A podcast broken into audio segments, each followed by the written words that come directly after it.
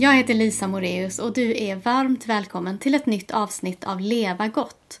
En podd om att lära känna dig själv och dina superkrafter, om att göra skillnad på ditt eget sätt och samtidigt ta hand om dig och må bra i din vardag. Det här är avsnitt nummer 20. Det är ett samtal med Maria Ståhl om vad hon behöver för att känna att hon lever ett gott liv. Maria är lärare inom yoga och meditation och jobbar också med lösningsfokuserade samtal. Men skrivande, teater, poesi och konst i bred bemärkelse är lika viktiga delar av hennes liv. Jag både inspireras och känner igen mig i hennes tankar om behov och om att styra sitt liv efter de behoven. Och jag tror att du också kommer att göra det. Det här avsnittet är det sista i en serie där jag har ställt frågan Vad behöver du? till alla mina fem stående poddgäster. Du hittar de övriga avsnitten i den här serien i nästan vilken poddapp som helst och på Spotify och förstås på lisamoreus.se. Samtalet spelades in för ett år sedan, i november 2019. Vi spelade in det här i ett litet rum i centrala Växjö och utanför fönstret så är det en ganska stor trafikerad gata. Så att ibland när det kör förbi en buss eller en lastbil så brusar det lite grann i samtalet. Jag hoppas att det inte ska störa för mycket. Vi pratar om ramar och regler, om att bryta mot dem och att underordna sig. Vi pratar om att vara ensam och tyst och vad som egentligen räknas som tystnad och om lyckan i att tillåta sig att bli riktigt bra på någonting. Välkommen att lyssna. Jag hoppas att du får med dig en tanke eller ett guldkorn som kan spela roll i ditt liv. Jag kan ju se hur jag har format mitt liv utefter det jag mår bra av och det jag behöver och det jag vill. Mm. Och sen de andra sakerna eh, de får hänga med kan man säga. Mm. Mm. Eh, de jag vet, andra sakerna. De andra sakerna som jag kanske inte behöver, mm. men som jag måste ibland. Mm. Ja.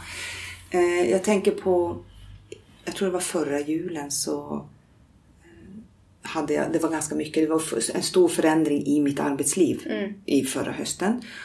Och, och det gjorde att jag blev rätt splittrad Mm. Eftersom jag var tvungen att lite olika tentakler ut åt olika håll, kasta ut lite grann så här för att få svar och jag fick ganska mycket olika svar och det var ganska ja, splittrat helt enkelt. Mm. Och det behöver jag inte kan just jag säga. Mm. Men det var, det var nödvändigt just då. Eh, eh, bara för att se vart jag skulle landa någonstans. Mm. mm. Och då säger min kära sambo till mig så här, men Maria nu stoppar du in så mycket saker. Mm. Eh, vad ska du plocka bort? Det här har jag hört förut. Mm. Och jag tänkte på det. Mm. Och så kom jag på att så funkar inte jag. Mm. Nej, jag funkar inte att ha den ingången till det hela. Utan jag funkar med att göra mer av det jag vill. Mm. mm. Eh, så mitt svar till honom blev sen, efter jag hade funderat ett tag, eh, att nej, jag tänker inte plocka bort någonting. Däremot ska jag göra mer av det jag vill och det jag tycker om, det som jag gillar. Och det här vart ju en stor skillnad, bara mentalt. Vad ska vi kalla det energimässigt? Jag vet inte vad vi ska kalla det för någonting. Kraft, mm. uppmärksamhet, allt möjligt. Eh, att jag faktiskt fokuserade på det jag vill. Och då har ju skrivandet varit något som jag vill göra mer av under ett par år. Mm. Men det blev ännu tydligare då att jag ska göra mer av det. Det är där jag ska ha min fokus. Och sen kan jag säga att eh, sen har annat försvunnit. Mm. Därför jag får inte tid till det andra. Just det. Ja. Därför då tar det här så pass mycket plats. Och jag kan inte, om du skulle säga så här, men vad var det du plockade bort och vad var det som försvann Maria? Jag vet inte. Nej, Nej jag kan faktiskt inte som, riktigt svara på det. Det var det som låg längst ner på prioriteringslistan. Ja. Mm. Men sen dess så har jag fyllt på med det jag vill göra och, eh, och, och kanske, kanske det jag behöver. Mm. Mm. Det jag mår bra av. Det som gläder mig. Mm. Mm.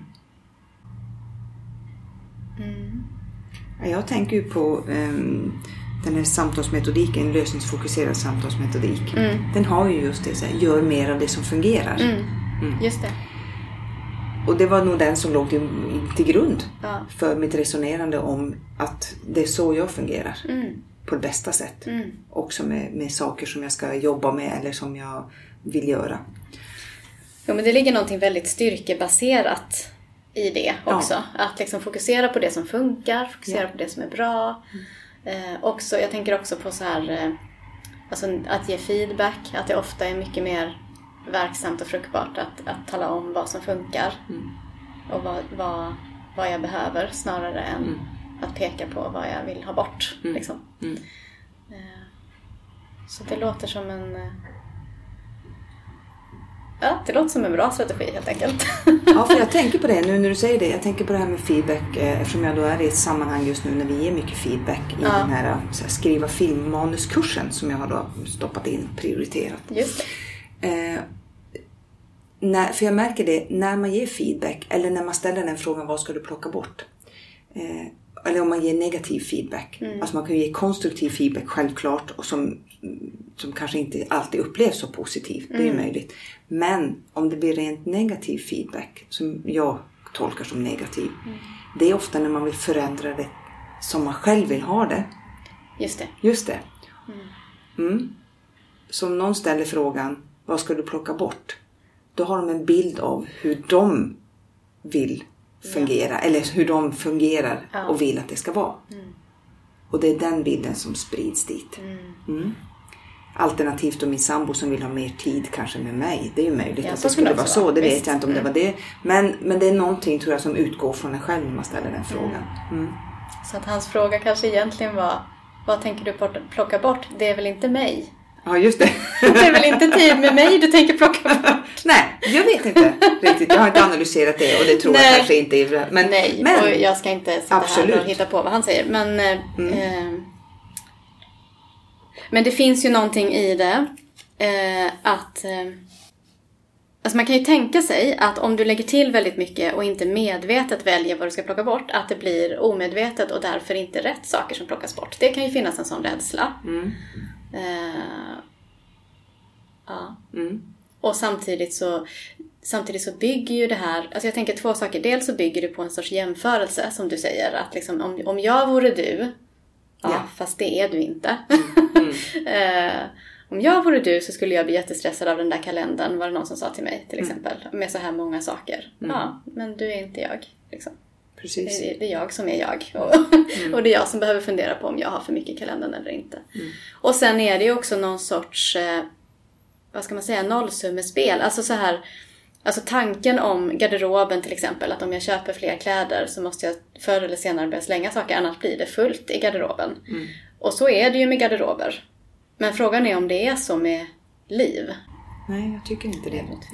Därför att det som kommer in kan ju också fylla på det som redan finns där. På ett sätt som man inte riktigt vet. Just det. Och då kan vi komma tillbaks till det vi pratade lite om innan. Här att eh, den här kursen som jag går då i, i filmmanusskrivande som jag har bestämt mig för att jag ska verkligen följa nu. Och jag ska följa den traditionella eh, den klassiska dramaturgin och jag ska följa feedbackreglerna som vi har fått. Och jag ska läsa kurslitteraturen och jag ska alltså, referera till den. Och jag ska eh, titta på hur, hur, hur gör man en, hur, hur kan man få en karaktär att utvecklas? Eh, på ett ganska, vad heter det, inte matematiskt men på ett ganska eh, fyrkantigt sätt. Mm. Så kan vi ju titta på dramaturgi till exempel. Och att göra det och- inte hela tiden vara den där freelancern som bara ska liksom säga nej men jag har min egen idé, jag har min egen stil. Eh, och jag känner att där, den har jag ju plockat in och den mår jag väldigt bra av. Ja. Den tar mycket tid och kraft men jag känner att det är någonting som fyller på väldigt, väldigt grundläggande i mina personliga byggstenar. Så att jag hade, jag hade aldrig kunnat ana att jag skulle må så bra Nej. Av att följa kursen. av att följa Ja. den kursen och göra den. Ja. Nej, det hade jag aldrig kunnat, utan det var ju mer bara en, alltså nu vill jag skriva och det är härligt och det är Just det. inspirerande och det är kul och allting. Men att jag skulle få det här på köpet, det hade jag ingen aning om. Det hade jag inte kunnat mm, veta. Det du säger också är att, att du nu faktiskt medvetet har valt att säga nej, nu gör jag inte om det på mitt eget sätt utan nu följer jag kursinstruktionerna. Och ägnar mig åt att utveckla det här hantverket med de här reglerna och de här liksom, ja, så, som, som kursen liksom lär ut. Och att det också gör någonting med dig eh, som du har nytta av i andra delar av ditt liv. Mm. Vad har du tänkt mer kring det här med vad du behöver? Eh, vad jag behöver jättemycket, det är att jag behöver eh, tystnad. Mm. Jag behöver ensamhet. Jag behöver träd och skog och natur. Jag behöver tid för reflektion av olika, på olika sätt. Mm. Jag behöver läsa. Mm. Mm. Jag behöver ja, upprepa detta. Jag behöver tystnad och jag behöver ensamhet. Ja. Ja, så är det. Och jag behöver tid för att skriva. ja. Mm. Jag behöver skriva eh, också för att må bra. Mm. Mm. Eller må bra, jag mår väl inte dåligt. Jo, jag tror jag faktiskt skulle må dåligt om jag inte. För nu har jag kommit igång så pass mycket Mm. med det. Så jag märker hur bra jag mår, även om jag mår dåligt. Jag behöver meditera. Mm. Jag behöver ramar och rutiner. Mhm. Ja. Och på tal om det så kan jag ju ta då att eh, jag eh, har ju dansat improvisationsdans Mm, just det. med en danslärare Mm. som satte ramarna. Mm. Eh, och jag tror det här hör ihop med filmmanuskursen också faktiskt. Eh, som satte ramar för vad vi skulle göra. Sen fick vi ju skapa fritt och, och inom de ramarna. Och jag upplevde rent fysiskt hur bra jag mådde utav att ha någon som bara säger så här. Nu är det cirklar som gäller. Mm. Och så får man bara tolka det. Och så får man göra som man vill. Fast det är cirklar som gäller. Mm. Och då kände jag att jag kunde vara mycket friare. Mm.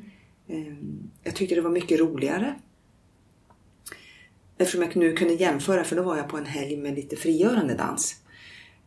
Det fanns vissa ramar där också, men inte lika tydliga sådär. Där jag märkte att eh, jag blev mycket mer trött snabbare. så kan man säga. För då kunde jag inte hushålla med energin på samma sätt när det bara var fritt. Och det var ju en väldigt intressant upplevelse. När man då samtidigt är en som gärna bryter lite Ja. mot, mot reglerna Ja. och töjer på ramarna. Men att se hur viktiga de är för att, för att, i alla fall för att jag ska må bra. Ja. Och för att jag ska vara riktigt kreativ och för att jag ska få ut det jag har att ge. Ja, då, då går det inte att det är helt fritt. Nej. Jag klarar inte det. Nej, det där Nej. kan jag verkligen känna igen. Och också att, alltså jag tänker på så här alla skriv, skrivkurser man har gått genom livet. Att det finns en anledning att man får skrivövningar liksom. Ja. Eh, om, man, om man bara skulle säga här är ett blankt papper och en penna, skriv. Alltså det kommer ju ingenting ändå. Eh, kanske. Ibland gör det ju det. Men, men att det är en helt annan... Eh, jag får tillgång till en helt annan inspiration. Mm. Om någon har satt lite ramar. Mm. Eh, som jag kan bryta mot Mm. och tänja på. Eller följa. Mm. Eh, men att det finns någonting där att studsa mot liksom. Precis. Så att det inte alldeles flyter ut. Nej. Jag funderar på det här med eh, tystnad och ensamhet. Mm. Eh, är det liksom... Kan det vara i kombination med de andra sakerna? Alltså så här, Eller jag tänker, jag gissar att det är också möjliggörare till att skriva till exempel. Eh, men är tystnaden och ensamheten viktiga i sig själva också? Det är de. Och nu handlar det om att jag ska vara tyst. Ja. Mm. Och är, betyder det att du inte ska skriva heller då? Är man tyst när man skriver?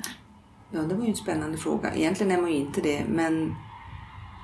Jo, skrivandet får ingå i tystnaden ibland. Ja, Och ibland inte. Nej, just det. Nej. Däremot får inte pratandet ingå. Nej. Nej. kanske något enstaka ord som jag säger för mig själv. För att förstärka någon tanke Ja. eller någonting annat. Just det det. vet jag inte. Men annars så, annars så det handlar nog mer om rent, alltså att, att, att, att jag kan inte prata. Mm. Nej. Utan att jag ska låta, jag ska låta dem, vad ska man säga, utloppen. Det, det, ska, det ska vara stängt. Mm. För att det ska hinna, för att jag ska hinna reflektera, för att jag ska hinna landa. Mm. Och pratar jag, då gör jag inte det. Inte på djupet skulle jag säga. Ibland kan ju ett samtal vara jättebra också. Eh, Men men om jag tittar på alltså det jag gör just nu då. Om jag ska gå tillbaks till mitt skrivande och just nu är det ju filmmanus som jag håller på med då, de här sakerna. Att om jag pratar, det funkar inte för reflektion. Det kanske funkar för att visa på det här, den här, det här har jag tänkt, den här idén finns så. Men helst ska jag aldrig säga det heller. Utan helst ska jag bara få ner det på papper och ha en dialog mellan mig och pappret kan man säga. Ja. Som är tyst. Men väldigt livlig skulle man kunna säga. Ja, just det. Ja. ja. Men jag, men jag vet det att just att, att jag pratar, där, där pyser det ut väldigt, väldigt mycket. Och det var inte pyser ut, det forsar ut. Betyder det att, att en idé till exempel kan förlora sin kraft om, Ja, om du pratar om den först? ja. Och så är det nästan alltid. Mm.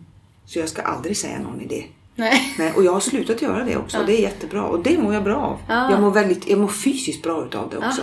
För några år sedan då kunde, jag, då kunde jag prata väldigt mycket om alla mina idéer. Ja. Och det mådde jag inte bra av. Nej. Nej, jag trodde det. det. För det är klart att det känns ju bra. och Man må gå igång på det och man får lite feedback och man får säga det högt och man får någon respons och allt det här. Men, men det blir ingen grundläggande Nej. bra feeling. Precis, i Mm. stunden så kanske det känns bra att prata om. Så jag, jag kan ju säga att jag mår också bra av att välja mina samtal. Ja. de här samtalen som vi har nu. Att jag väljer, nu, nu vill jag träffa Lisa för jag vill prata om det här. Mm. Där jag förr kunde fika hur mycket som helst och bara prata om allting Ja. hela tiden. Ja. Och det gör jag inte längre och det är ett medvetet val Ja. faktiskt. Jo, men jag förstår det och jag, Ja. och jag känner igen mig också i det där med, i det där med idéerna. Att det är... Eh, jag läste någonstans, jag vet inte riktigt om det är sant, men att hjärnan på något sätt, att när vi pratar om någonting, särskilt någonting som vi ska göra, då är det lite som att det känns som att vi redan har gjort det. Mm.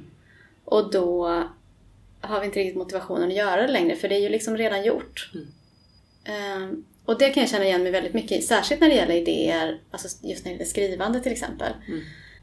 Att för mig är det också, för mig funkar det inte så bra att planera skrivandet för mycket först. För risken är då när jag väl sätter mig och skriva så jag, men jag har ju redan gjort det här. Det här har jag ju redan, jag har ju redan tänkt och jag har skrivit synopsis och jag har liksom skrivit vad som ska finnas i varje stycke och bla bla bla. Eh, att det känns en, nästan som en, jag måste verkligen tvinga mig själv att faktiskt skriva orden också. Och att det är lättare för mig ju mindre förarbete jag har gjort. Okej. Liksom. Eh, sen kan det ju vara vettigt ändå att göra någon sorts, ja, om man nu skriver något skönlitterärt, att man gör en tidslinje till exempel eller så. Men, eh, eller annars också för den delen. Men jag kommer ihåg alltså när jag skrev min bok Brinna. Eh, att det verkligen, åh vad jag längtade efter att någon kunde bara sätta ett USB-minne i mitt huvud och bara tanka ut boken. Ska jag sitta där och behöva skriva vartenda ord som jag redan hade tänkt liksom? Och har man då dessutom, för då, jag utbildar ju i ledarskap så det hade ju definitivt pratat om de där idéerna jättemånga gånger och då är det, det är det lite så att, att det är inte riktigt samma kraft i dem längre. Inte. Nej, Så- Det kan nog vara något speciellt när man gör på det sättet som du säger. Och att, att, att hitta hur får jag ner det jag pratar om och det som är levande i ögonblicket och det som liksom är ett möte mellan andra människor och mig Ja. i ögonblicket. Hur får jag ner det på papper Just så att det fortfarande är levande? Ja. Det är ju en jätteutmaning tänker jag. Nu gör ju inte jag det nu i alla fall. Utan med, med det här manusskrivandet och vad som är spännande där, det är ju också att jag har, har släppt att det ska vara så jävla bra från början. Mm. Utan du vet, jag bara jag skriver och sen vet jag att jag kommer att skriva om det här minst Ja. fem gånger innan det ens är liksom färdigt för den här skoluppgiften om man Just säger det. sådär. Alltså. Ja. Och då kommer jag skriva om det mer efter det om det ska bli på riktigt. Ja. Ja. Så har jag aldrig gjort. Nej, Nej. Jag har ju varit med så här, de ord som kommer ut, det är de som det är gäller. de som gäller. För det har kommit från källan. Ja, du vet, det, det. Ja, Ja. Och nu är det bara så här, nej. Det, här, det, det finns många olika källor Ja. och, och det är så otroligt befriande. Ah, Så det mår jag också jättebra av. ja, Att det, det är inte klart. nej. Det här är första utkastet, första utkastet. av många, många. Ja, Mm. ja. Och det kan hända att den här karaktären inte ens blir kvar. Mm. Just det. Det kan hända att det blir något helt annat. Mm. Mm. Eller slås ihop med tre andra som visade sig ha samma funktion. Eller Precis. Mm. precis. Ja, Eller tvärtom. att Ja. var, nej, det här är inte en person, det här är tre. ja, Ja, ja. det är ljuvligt att tillåta sig det, tänker jag. Ljuvligt är rätta ordet. Ja. Ja, jag mår jättebra utav det. Ja. Ja. Ja, ja, det är mycket den här kursen har gett mig faktiskt. Och sen har vi också vi har fått ett papper på hur vi ska feedbacka.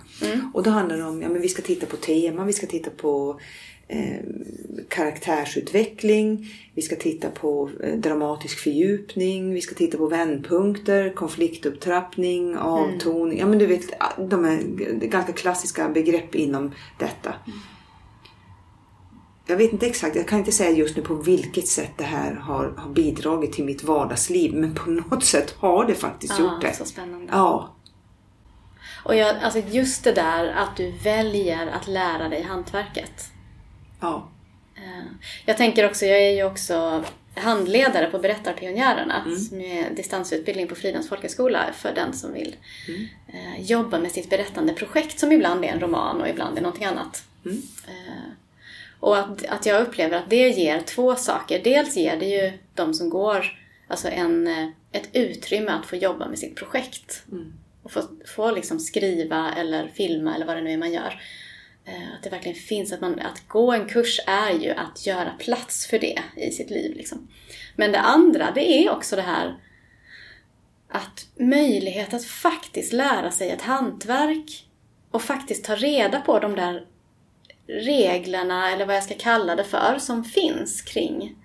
Eh, alltså till exempel hur, hur man bygger upp en karaktär eller karaktärers olika funktion och ja, olika sådana saker. Som man sen inte behöver hålla sig till. nej.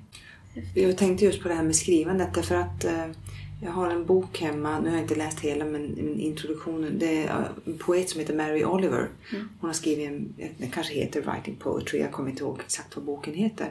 Men där säger hon så här att eh, ja, men, eh, när det gäller när det gäller för, eller målare, musiker, alla andra typ kulturarbetare eller vad man ska säga, skapande, de lär sig ett hantverk. Hur man blandar färg, hur man sätter ihop, alltså vilka toner som är i grundskalan, alltså allt det. De lär sig. Och det är inget konstigt. Nej. Det tar vi bara för givet att det är så det är och det är helt okej. Och det tar inte bort liksom när de sen skapar och, och inspirationen och Kreativitet kreativitet och, och- allt det här. Men en författare, den ska bara liksom så här Ja, här, just det. sätt dig på ett café, skriv en roman och det ska inte vara Andas någonting där. ut på pappret ja, och så precis. bara- Ja, ja. Det är nästan fult Ja. att, att ha, ha liksom den här lite grundutbildningen på det. Och jag tycker det var så befriande. Och det kan vara det som har inspirerat mig också faktiskt. Det jag känner att, men precis. Och speciellt om jag återgår till det här vad, vad man mår bra av och vad jag mår bra av med ramar. Att ha det att studsa mot som du sa. Att va- ha ett bollplank och då kan ju någon sorts, ja, att det kan vara ett ramverk att, att bolla mot helt enkelt. Det finns en sak till i det och det är att välja att gå in någonting, i någonting helt och fullt. Ja. Ehm, alltså, och jag tänker till exempel på den här mönsterkonstruktionskursen som jag går då. Som alltså handlar om textil. Det handlar om att helt enkelt, hur gör man en kjol? Ehm, vad är egentligen insnitt och hur funkar det och sånt. Ehm, och, eh, och att jag blir lite, lite uttråkad Eh, och det, visst, det beror dels på att jag blir lite provocerad av regler. Jag har en sån obstinat eh, rebell i mig som, ja. Men det är också så att när jag kliver in och möter någonting, alltså är där och väljer att nej men nu ska jag knäcka den här koden, mm. nu ska jag lära mig det här. Eh, då viker ju den här uttråkningen undan. Eh, det är helt enkelt mycket roligare att göra saker fullt ut. Mm.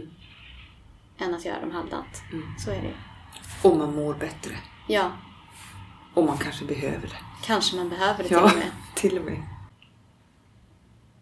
Ja. Mm. Mm. Okej, okay, eh, vi ska runda av. Jag funderar på en fråga som är ungefär eh, Hur ska vi förhålla oss, tycker du, till frågan vad behöver vi? Eller vad behöver jag? Hur vi ska förhålla oss till den? Ja. Mm. Vad ska vi ha den till eller hur ska vi använda den? Jag tänker ju, spontant så kommer ju det jag sa innan upp. Gör mer av mm. det som fungerar. Mm. Och gör mer av det du tycker om. Mm. mm. Inte på bekostnad av andra. Men, men gör mer av det som fungerar och gör mer av det du tycker om. Mm. Jag tänker att det blir bra för andra också i slutändan. Någonstans. Ja. Mm. Ja, jag tror att du har rätt. Alltså det finns, det är nog en liten röst i mig som säger, men tänk om du tappar bort det som är viktigt. Alltså tänk om du, om du bara fokuserar på det du vill och det du behöver. Tänk om du glömmer betala räkningarna. Men då kommer rutinerna in igen, vet du. Ja, just det. Just det, som jag behöver. Som man behöver. Ja, just ja. det. För så är det också. Ja. Alltså om, om vi tänker så här. Mm. Jag, jag ville skapa en kurs för ett tag sedan. Nu vart inte det av och det har jag inte släppt än så här. Som heter att skapa förutsättningar. Mm, ja. Mm, mm. Därför att jag jobbar med personer som har olika typer av funktionsnedsättningar. Och att skapa förutsättningar har jag ju sett genom årens lopp för att leva ett så bra liv som möjligt. Men att inte behöva lägga tid på det som är att laga mat. Mm. Att, att hitta rutiner runt att laga mat. Du vet, alltså frysa in så man inte behöver stå där mitt i stressen och novembermörkret och mm. hej och och komma på någonting fiffigt och man gör inte det. Och så tar det liksom 70 procent av ens dagliga energi och kraft. Ja betala räkningarna. Alltså vissa saker som, som återkommer mm. och som är som, som vi kan rutinisera. Ja. Så att inte lägga så mycket tid och kraft på det Just utan att då lägga tid och kraft på de saker som vi vill göra. Ja. ja.